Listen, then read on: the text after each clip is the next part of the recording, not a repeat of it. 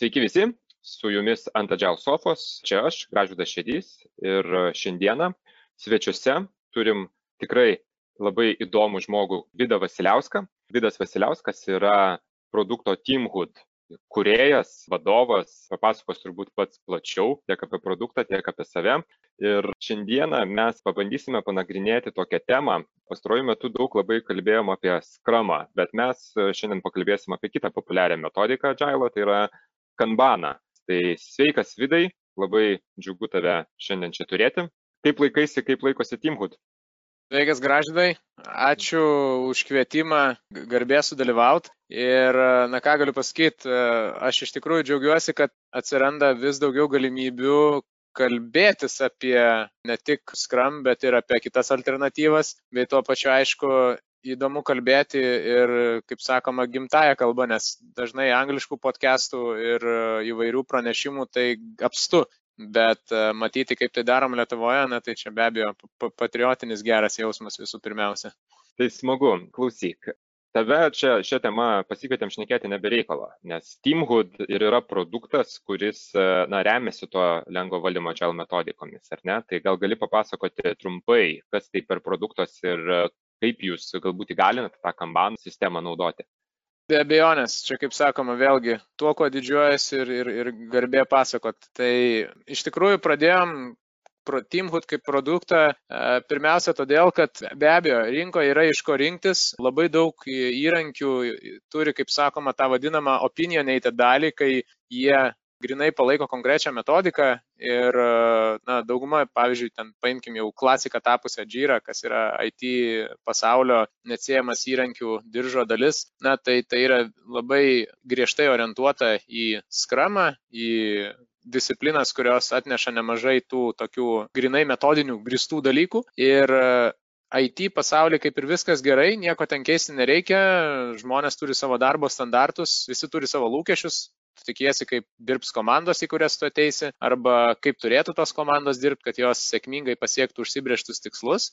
Bet tai nebūtinai yra ta pati situacija, na, likusiose industrijose, kuriuose lygiai tokie patys iššūkiai egzistuoja, kas yra bendradarbiavimas, projektų valdymas, kažkokių tais už, užduočių, produkto tikslų pasiekimas. Ir, na, tam reikia visų gerųjų savybių, ką gali atnešti metodikos ir dažnu atveju, na, skramas gali tapti tokiu įrankiu, kurį vis tik kainuoja šiek tiek ir laiko, ir motivacijos įsidėkti. Ir juo labiau, jeigu pažiūrėtumėm į bet kurią industriją, kuri nėra susijusi su technologijų verslu, mes pamatytumėm, kad na, žymiai mažiau žmonių yra susipažinę su Agile apskritai ar konkrečiai Agile implementacija Scrum. Tai vėlgi tas kainuoja įmoniai ir organizacijai papildomų tiek išlaidų, tiek pastangų siekiant edukuoti žmonės.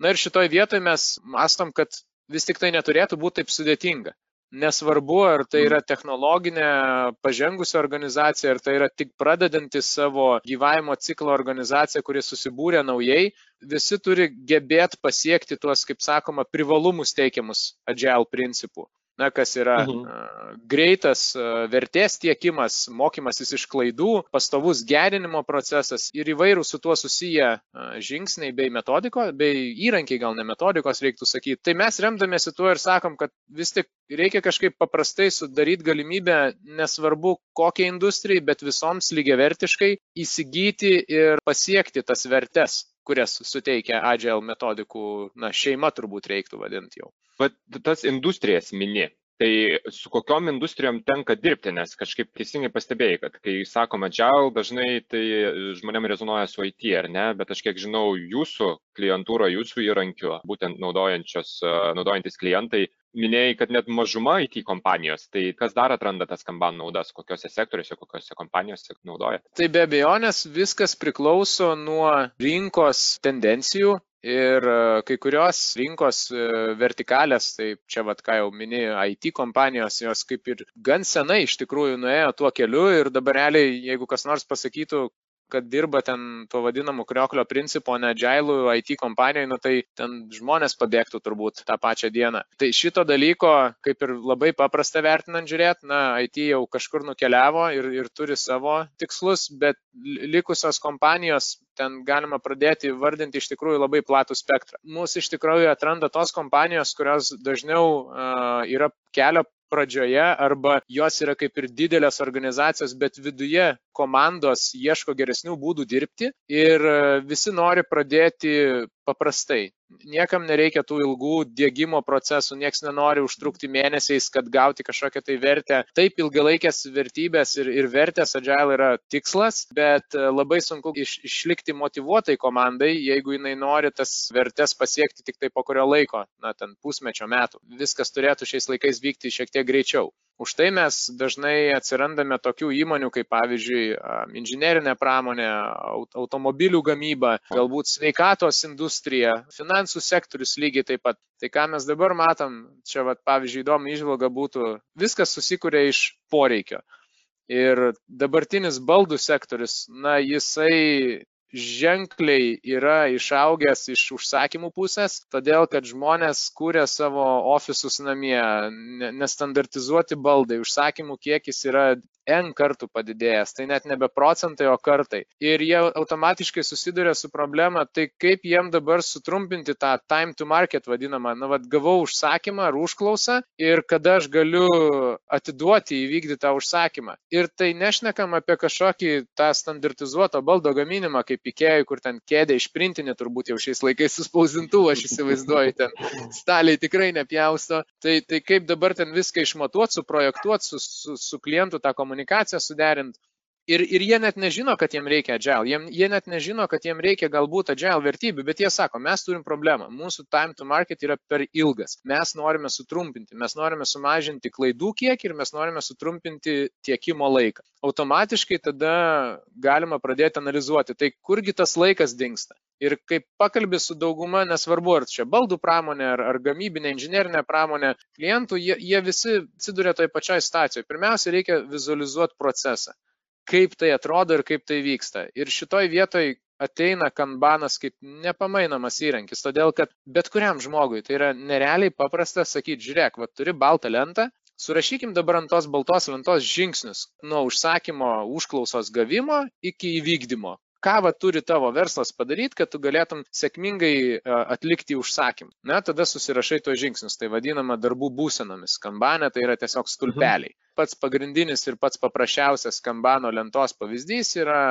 ne, nauji darbai daromi ir įvykdyti darbai, ne, va, trys būsenos. Bet realiam versle, na, tai to nepakanka. Tai ten, koks baldų gamintojas gali turėti specifikacijų surinkimą, derinimą, medžiagų parinkimą ir tada jau gamybą pačią ir užsakymo formavimą ir vykdymą. Kambanas leidžia lengvai suvokimu būdu vizualizuoti procesą pirmiausia. Tai reiškia, mes dokumentuojam, kad kiekvienas užsakymas praeitų tam tikrą veiksmų grandinę. Ir tas pakartojamumas veiksmų, jis užtikrins, kad mes visus darbus kaip per konvejerį siunčiam. Čia reiškia, kad mes ne tik susikūrėm darbų valdymo įrankį, mes tuo pačiu ir savo procesą išsigryninam. Mes matom, kokius žingsnius turime savo procese, jeigu mes esame viena kompanija, kuri tą galbūt taip aiškiai nebuvom įsivardinę iki šiol.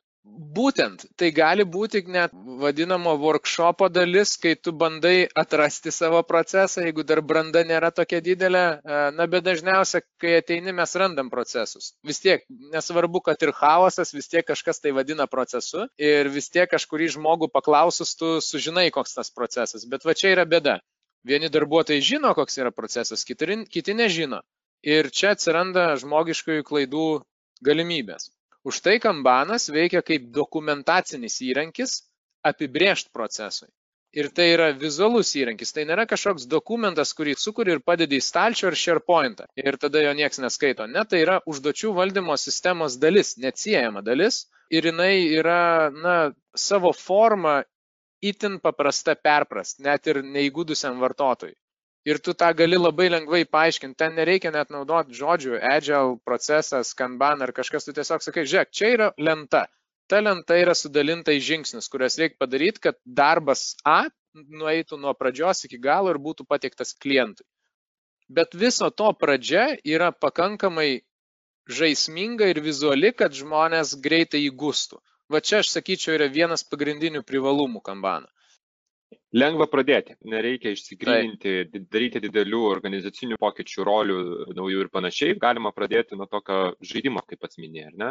Būtent taip ir būna apibriešta, kad organizacija mažiausiai įtakoja kamban dėgymas, todėl kad tai yra mažiausiai opinionated rolių atžvilgių, žodino ar slengo, kurį reikia naudot, kad dirbti prie tos metodikos. Kambanas sako, užduočių lentas, užduočių kortelėm.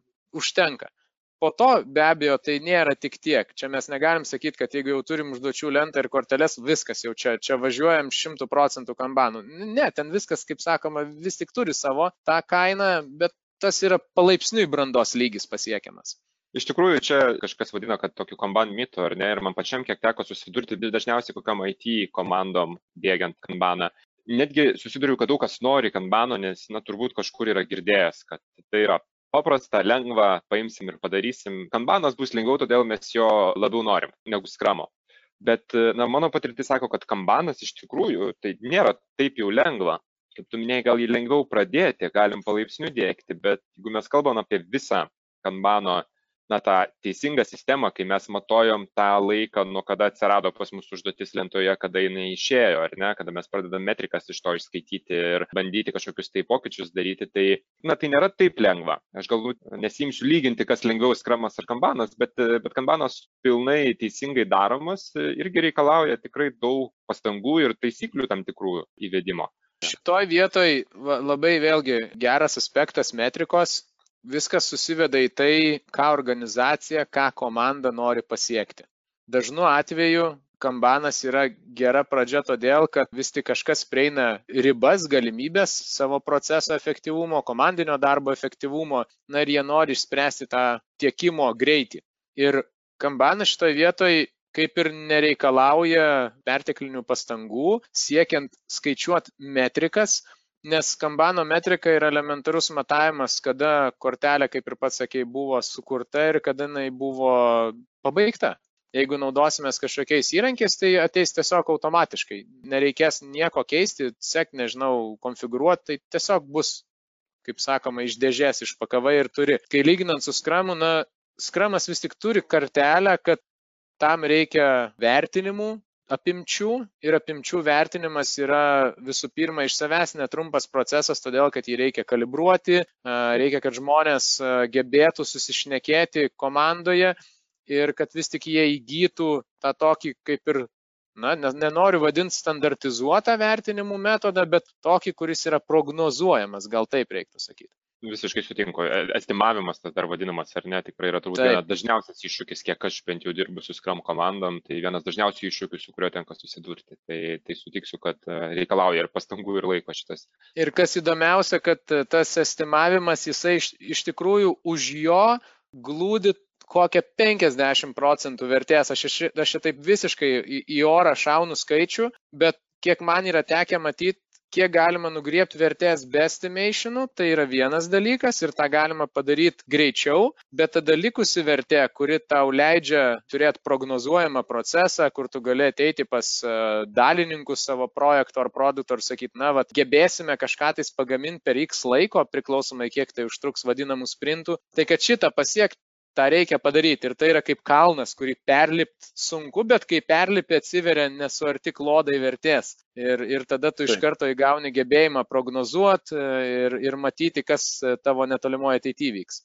Bet kaip va šitas tada kambanė, ar ne, čia mes neestimuojam. Mes matuojam, kiek laiko užtrunkam, bet neestimuojam. Tai kaip tada mes pasakom, kada mes visgi čia patieksim tą savo galutinį produktą, kaip, na, kažkokios tai prognozės daromos kambanė iš tavo patirties, kaip prie to prieinama va čia pasimato kartais, kur metodika yra paprasta vienose vietose, bet sudėtinga kitose, tai kaip pradė eiti prie to tikro rimto prognozavimo, kuris yra mokslinio lygio prognozavimas, tikrasis net ten iš kavos tiršių būri, bet įimi kažkokius tai sofistikuotus metodus, kaip ten Monte Carlo simulacijos vadinamos, tikimybės uh, pabaigti darbus ir taip toliau, ten visas atskiras mokslas matematinis yra. Tai matosi, kad kambanas nebuvo iškart numatytas su šituo dalyku. Kambanas tau gali pasakyti, kiek vidutiniškai tau užtrunka patiekti daiktą kažkokį tai, sukurti kažkokią tai vertę. Ir tu naudodamasis to vidutinio tiekimo grandinės ilgio matu gali pasakyti, okei, okay, tai jeigu aš vidutiniškai per penkias dienas pagaminu vieną užsakymą, nu tai galiu sakyti, kad jeigu aš turiu va, 10 užsakymų, nu tai man užtruks 50 dienų. Jeigu aš noriu, kad man užtruktų per pus trumpiau, reiškia, man reikia vietoj vienos gamybos linijos turėti dvi. Tada tu mhm. sakai, aš žiūrėsiu iš resursų perspektyvos. Ir tada tu turėdamas tą vienintelę metriką, trukmę vidutinę, tu gali pjaustyt, ką aš noriu dabar padaryti. Aš noriu labiau turėti išnaudojimą savo gamybinius resursus, na, komanda pavyzdžiui.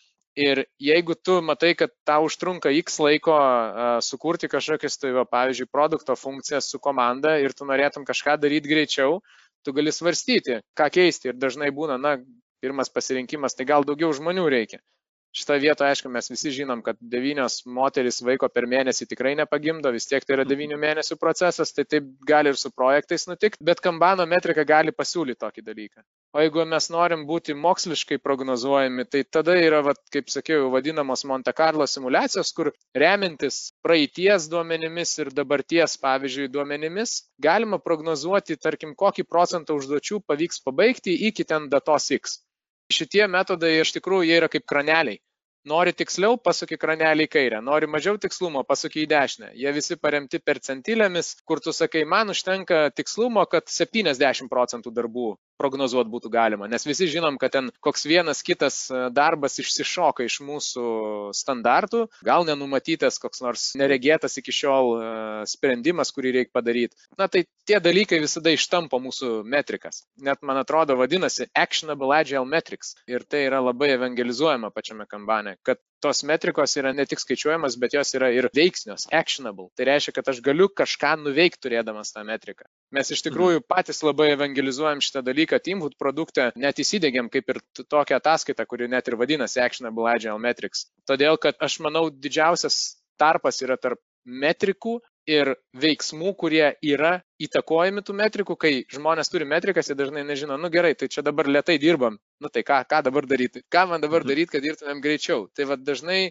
yra tarpas tarp sprendimo kaip pagerinti tas metrikas. O vat Actionable Agile Metrics principas padeda atrasti punktus, kuriuos gali gerinti. O mes savo produktą net, pavyzdžiui, patikėm, kurias užduotis konkrečiai reikia keisti arba kažką su jom daryti. Pavyzdžiui, vėluoja, užblokuota, trūksta kažkokio tais papildomo dokumento ar e, resurso, kad tu galėtum tą metriką pagerinti jau šį mėnesį. Ir taip žiūri pamėnesiui kiek vidutiniškai laiko užtrunka pateikti kažką, kiek vidutiniškai užduočių sėkmingai pabaigiama laiku, kiek užduočių vėluoja ir taip toliau.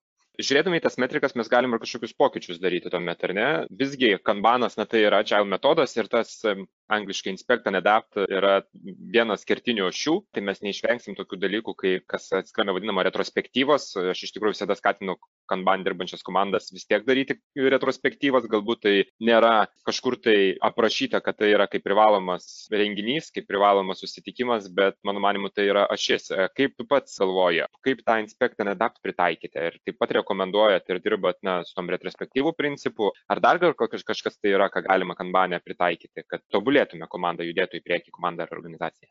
Aš iš tikrųjų tiek iš savo patirties, tiek iš darbo su klientais patirties galiu pasakyti, daryti kažką, kas vadinama agile metodika be retrospektyvų yra tiesus kelias į pražūtį. Na, nes apskritai fail fast and adapt yra vertybė, kurios čia visi taip norim ir mokytis iš klaidų ir greičiau kažką tais pagerinti. Tai lygiai taip pat kambanė. Ir iš tikrųjų dabar aš pats atvirai pasakius net gerai nepamenu, ar vis tik į tą originalią versiją kambano aprašo įeina, Kaizen tipo susitikimai ar ne, bet vis tiek tai yra viena iš ceremonijų. Na, kambanė tai nevadinama tikrai ceremonijomis, bet Kaizen susitikimas tai yra apie pagerinimą. Pati Lean filosofija, kuri irgi yra kambano įtakų šaltinis, teigia apie pastovų gerinimą. Apskritai, jeigu tau ir pačiam graždai yra tekę dirbti su komandomis paslaugų sektoriui, tai ten lean e, filosofija dažnai yra gaji todėl, kad tai yra apie mikro pagerinimus. Kiekvieną dieną, kiekvienas darbuotojas turi galėti pasiūlyti pagerinimus. O tada jau pasirenkame mes kaip komanda, ar tai daryti nenutrūkstamai kiekvieną dieną, ar tai vis tik tai daryti kažkaip kažkokius ciklus. Skramė mes turime sprinto retrospektyvą, tai kambanę būtų galima įsivesti kas mėnesinę, pavyzdžiui, retrospektyvą arba tą vadinamą Kaizen susitikimą. ir jo metu lygiai tą patį šabloną naudoti, kas buvo gerai, ką galėjom padaryti geriau, na ir kokiu veiksmu imsimės sekančiam etapui. Paminėjai Lyną, tikrai karjeros pradžioje teko su Lyn projektais dirbti, kada tas buvo labai ant bangos, tai tiekdami Lyno praktikas, tas pačias kanbano lentas visada mes netgi siūlydavom, atsimenu tikrai dažnai, kiekvieną rytą netgi trumpai pakalbėti apie tam tikrus kaizenus, kuriuos pastebėjom, galbūt nespręsti jų čia ir dabar, bet bent jau uždėti lapelį, ant to pačio kažkokios kamban lentos tikrai naudinga. Priminėjai man apie, galbūt prieš metus, man atrodo, buvo puikus praktinis pavyzdys, kaip tik teko konsultuoti Johnson Johnson grupės įmonę, kuri kūrė naujos kartos sintetinius protezus Jie pradėjo visą savo kelionę irgi taip pat nuo kambano, nes vis tik tai yra užsakymų ir galima vadinti šiek tiek ir paslaugos verslas, kai tu ne tik tais e, sukuri kažkokį protezą, bet tau dar jį reikia ir e, įdėkti į žmogų ir pritaikyti ir po to dar ir palaikyti, nes jie dėvisi, reikia garantinį laikotarpį prižiūrėti. Ir, ir aišku, kai neveikia televizorius, tai čia viena bėda, bet kai tavo koja nebeveikia, tai čia kaip ir sekančio lygio bėda ir, ir tu norėtum vis tik tai greičio šitos problemos sprendime. Tai labai įdomus dalykas, kad jie taip pagal knygą pradėjo, va irgi su tais Kaizen improvementais daryti, kad visą laiką Kanban lentoje turėdavo atskirą net stulpelį ir būseną, kurioje būdavo padedamos užduočių kopijos, kurios turėdavo pagerinimo e, idėjų tarkim kažkoks tai vienas iš gaminių užstrigo pas tiekėją dėl nesutapusių kodų ant pakuočių ir jie iš karto sako, va kaip mes dabar galim užtikrinti, kad pakuočių kodai 100 procentų sutaps išeidami iš mūsų. Ir jie va, pasižymėjo kaip pagerinimą, kaip tu sakei, va, jie kiekvieną dieną juos galėdavo rašyti, bet jie niekad nesimdavo čia ir dabar tokiais. Ir galiausiai mes prieėm net prie idėjos, kad reikia įvesti vis tik tai tą retrospektyvą, kur visi darbai gražiai sugrupuojami ir atsakingas asmuo, kuris viską peržiūri, sudokumentuoja, ko trūksta ir pasiruošia retrospektyvai. Ir tada kiekvieną iš tų punktų apkalbama ir nusprendžiama, ka, kurias vat kelias iniciatyvas pasimti kaip gerasias praktikas sekančiam ciklui. Ir šitoj vietoj, aš manau, tai padarė didelę įtaką jų proceso gerinimui, nes jie kaip ir sukūrė standartizuotą pagerinimų ciklą. Vienintelis dalykas galbūt ką aš manau reikėjo pridėti ir čia buvo mūsų iniciatyva, tai kad pagerinimai nėra tik apie darbus. Pagerinimai yra apskritai apie komandą, jos gerbuvį, požiūrį, motivaciją, apie tikslus, vizijas ir apie šitos dalykus reikia šnekėti, nes jie buvo visiškai susifokusavę į užsakymų vykdymą, bet e, kai kurios problemos iškildavo dėl tiesiog elementarių žmogiškų dalykų. Taip, ir dažnai problemų šaltinis būna mažai dėmesio atkreipiantis dalykai tokie. Už tai tą reikia skatinti šnekėjimas ir sakyti, žiūrėkit, per mūsų retrospektyvas nereikia tik apie darbus, apskritai kuo mažiau apie darbus gal net kol mes neįsivažiuojam į kažkokį brandos lygmenį, nes, na, o jeigu mes apskritai kreivom rankom dirbam, o jeigu mums trūksta įgūdžių kažkuriuose vietose, mes turime tą dėti ant stalo skaidriai ir keisti.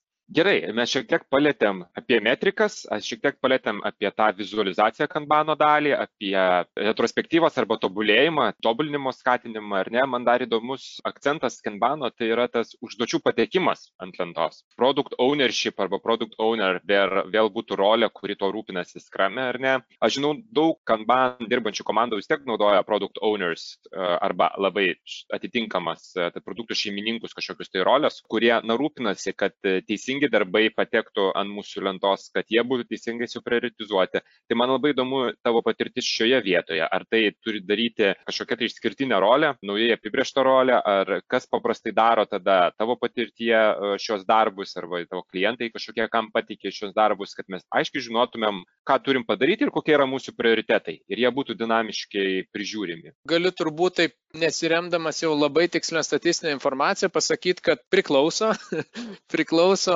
visų pirma nuo komandos, nuo jos brandos ir nuo organizacijos struktūros šiek tiek, nes kai kuriuose komandose, kaip ir bet kuriuo atveju, tai gali vykti pakankamai natūraliai, jeigu tu pasakysi, žiūrėkit, mums reikia išsiaiškinti vis tik, kas yra atsakingas už prioritetus, už darbų eiliškumą, už sprendimus, kada ką daryti. Ir realiai pirmas dalykas, į ką žiūrėčiau, tai kam labiausiai rūpėjo ta metrika, per kiek laiko mes kažką pagaminam. Tai yra tas žmogus, kuris turi kažkokią vat, atsakomybę, ne tiekimo grandinės greitis. Tai visų pirma, jeigu yra žmogus atsakingas už tiekimo grandinės greitį, reiškia, jis turėtų būti pakankamai suinteresuotas į prioritetus ir į kas yra būtent tiekiama toj grandiniai ir nuo va to intereso galima pradėti ir nebūtinai reikia tų žodžių produkt owneris, šiaip apskritai manageris ar kažkas atsakingas. Aš sakyčiau, tai yra proceso lyderis ar lyderė. Gal, gal kažkokį va, tokį žargoną ištraukčiau, nes dažniausiai jos jau turi žargonus savo.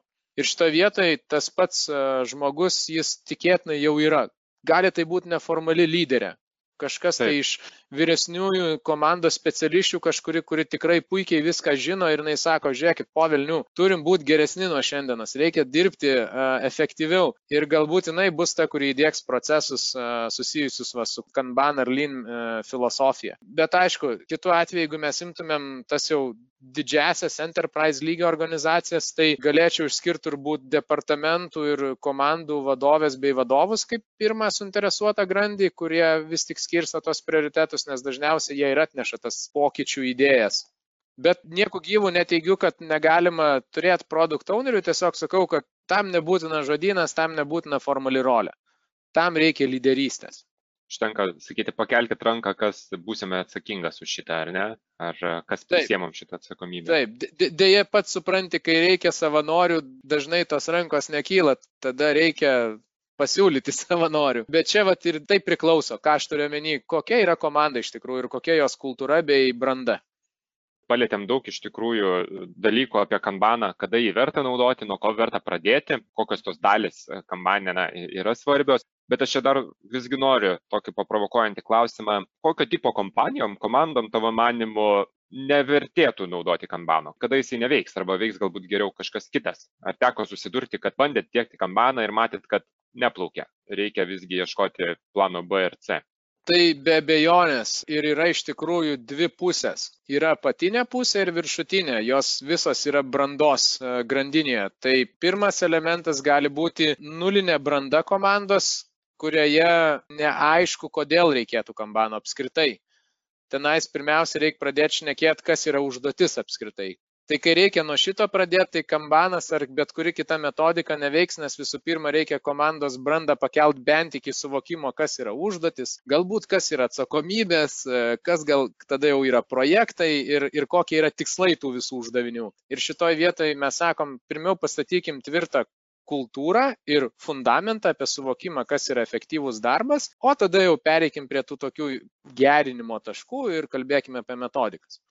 Tai čia pirma dalis. O antra dalis būtų tai jau viršutinė brandos kartelė, kai mes vykdome kažkokį tais kritinį projektą, kuris turi labai aiškias laiko gairias, kuris turi turėti vadinamus pirminės versijas, kažkokias suteiktas vertybės dar nepasibaigęs net ir reikalingos tikslios prognozės. Gal ne visiškai sakyčiau tikslios, bet tikslesnės, negu tai manoma pasakyti Taip. vidutinių užduoties įvykdymo laiku. Tai šitoj vietoj dažnai vis tik skramas bus pranašesnis, žinoma, turint omeny va, tą visą kainą, kurią reikia sumokėti, kad būtų vertinimai pradėti daryti, kad žmonės susikalibruotų, kad būtų bent jau kokie ten sprint zero ir one two free pabaigti, bet tai yra geriau tada. Paskutinė dalis turbūt dar šalia va tų brandžių organizacijų, kai reikia kažką tikrai daryti at scale. Ir tas at scale, na, žinom, šiais laikais vat, populiarios jau visiškai yra tos uh, Scaled Agile Framework, uh, Large taip. Enterprise Scaled Scrum, Scrum of Scrums ir, ir panašus dalykai. Tai lygiai taip pat yra